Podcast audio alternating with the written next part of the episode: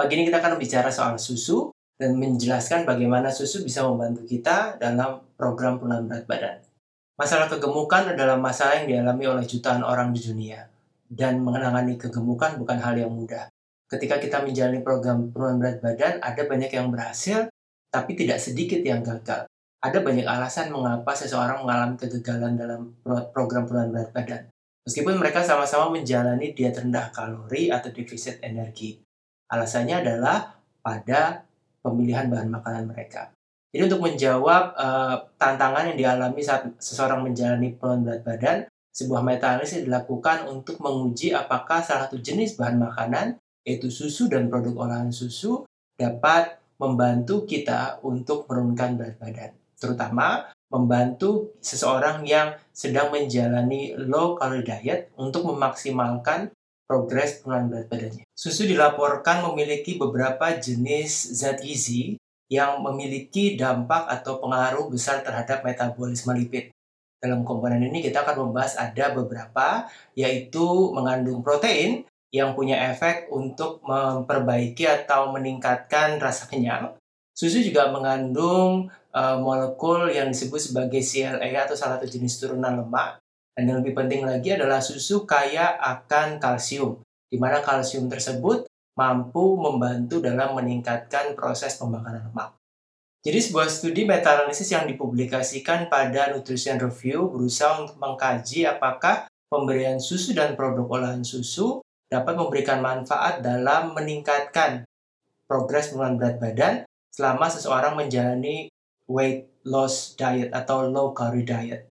Jadi dalam meta-analisis ini mereka mengumpulkan studi-studi yang mengevaluasi efek dari diet rendah kalori atau low calorie diet, lalu membandingkan antara yang menjalani low calorie diet saja dengan yang menjalani low, calorie diet, tetapi uh, subjek tersebut memilih bahan makanan yang kaya akan susu dan produk olahan susu. Hasilnya, orang yang menjalani low calorie diet yang dibarengi dengan mengkonsumsi susu dan produk olahan susu dengan nilai kalori yang sama, dia mampu menurunkan lebih banyak uh, berat badan dan lemak dibandingkan dengan yang orang hanya mengkonsumsi atau menjalani low calorie diet saja. Hal ini membuktikan bahwa pemilihan bahan makanan dalam kondisi defisit kalori itu juga punya pengaruh dalam progresivitas atau uh, efisiensi dari program peran berat badan. Dan dari sini dibuktikan bahwa konsumsi susu dan produk olahan susu dapat meningkatkan Eh, kualitas serta meningkatkan keberhasilan dalam program penurunan berat badan. Penelitian ini juga menyimpulkan bahwa pada jenis konsumsi atau jenis intervensi yang hanya mengandalkan anjuran mengkonsumsi makanan tinggi uh, produk olahan susu atau banyak mengkonsumsi susu tanpa dibarengi dengan low calorie diet tidak berhubungan dengan penurunan berat badan. Hal ini menunjukkan bahwa susu dan produk olahan susu adalah sebagai pendukung dari program penurunan berat badan, bukan jenis bahan makanan yang dapat menurunkan berat badan. Hal ini perlu diingat karena apa? Karena kalau kita mengkonsumsi susu dalam jumlah berlebih dan dalam kondisi yang kalorinya tidak defisit, maka itu tidak akan mempengaruhi penurunan berat badan. Jadi yang bisa menurunkan berat badan itu adalah low calorie diet. Kalau ditambahkan susu, itu akan lebih banyak penurunannya. Tapi kalau nggak menjalani low calorie diet, tidak akan mengalami penurunan berat badan. Ini kesimpulan diperoleh dari uh, publikasi pada Nutrition Reviews ini. Memang ada yang bisa menjelaskan bagaimana mekanisme susu dan produk olahan susu dapat membantu program penurunan berat badan. Salah satunya adalah karena kalsium yang terdapat dalam susu punya efek secara langsung terhadap metabolisme. Bagaimana caranya? Jadi kalsium yang terdapat dalam susu ketika dikonsumsi akan meningkatkan asupan kalsium. Ketika asupan kalsium dalam darah meningkat, jumlah kalsium yang berada dalam darah meningkat, maka yang terjadi adalah vitamin D aktivasinya menjadi lebih rendah karena vitamin D kan bertujuan untuk memaksimalkan jumlah atau mengoptimalkan jumlah kalsium dalam aliran darah. Ketika aliran darah tinggi, maka vitamin D yang aktif menjadi rendah. Karena vitamin D aktif menjadi rendah, kemudian jumlah kalsium yang dimasukkan ke dalam sel-sel dalam tubuh termasuk sel-sel yang uh, sel-sel adiposa itu mengalami penurunan. Sehingga ketika kalsium di dalam jaringan adiposa berkurang, maka kalsium tersebut uh, punya dampak terhadap lipolisis. Kenapa? Karena kalsium itu berusaha untuk menghambat proses lipolisis dan memaksimalkan lipogenesis. Ketika kalsium rendah, maka proses lipolisis bisa dimaksimalkan. Jadi itu mekanismenya bagaimana kalsium dalam susu dapat berpengaruh terhadap uh, proses lipolisis. Memang ada yang bisa menjelaskan bagaimana mekanisme susu dan produk olahan susu dapat membantu program penurunan berat badan. Salah satunya adalah karena kalsium yang terdapat dalam susu punya efek secara langsung terhadap metabolisme.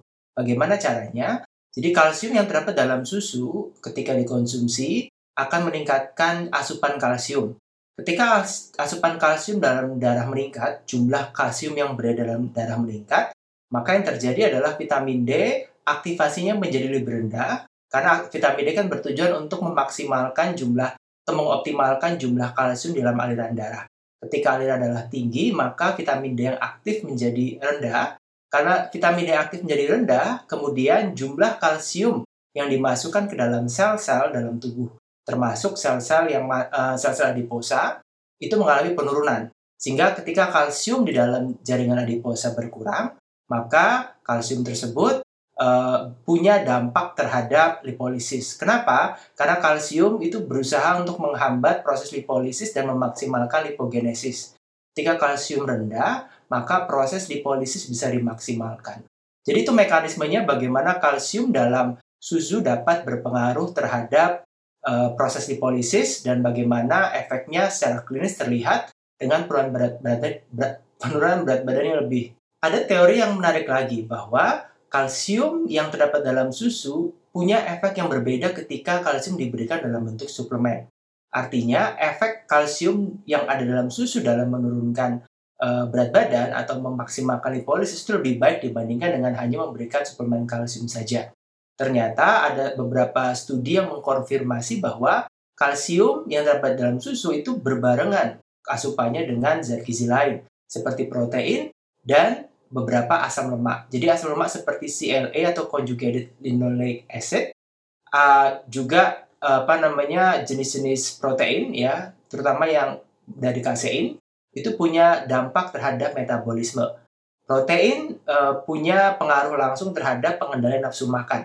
Sedangkan CLA itu punya pengaruh terhadap metabolisme lipid di mana kombinasinya dapat berdampak pada turunan berat badan yang lebih baik.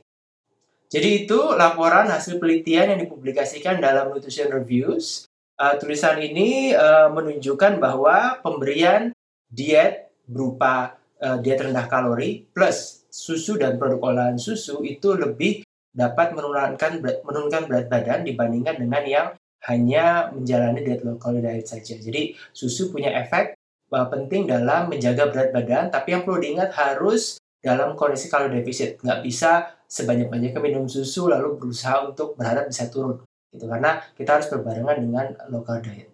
Jadi buat kalian tertarik bisa membaca tulisannya di Jurnal Nutrition Reviews keluaran November 2020.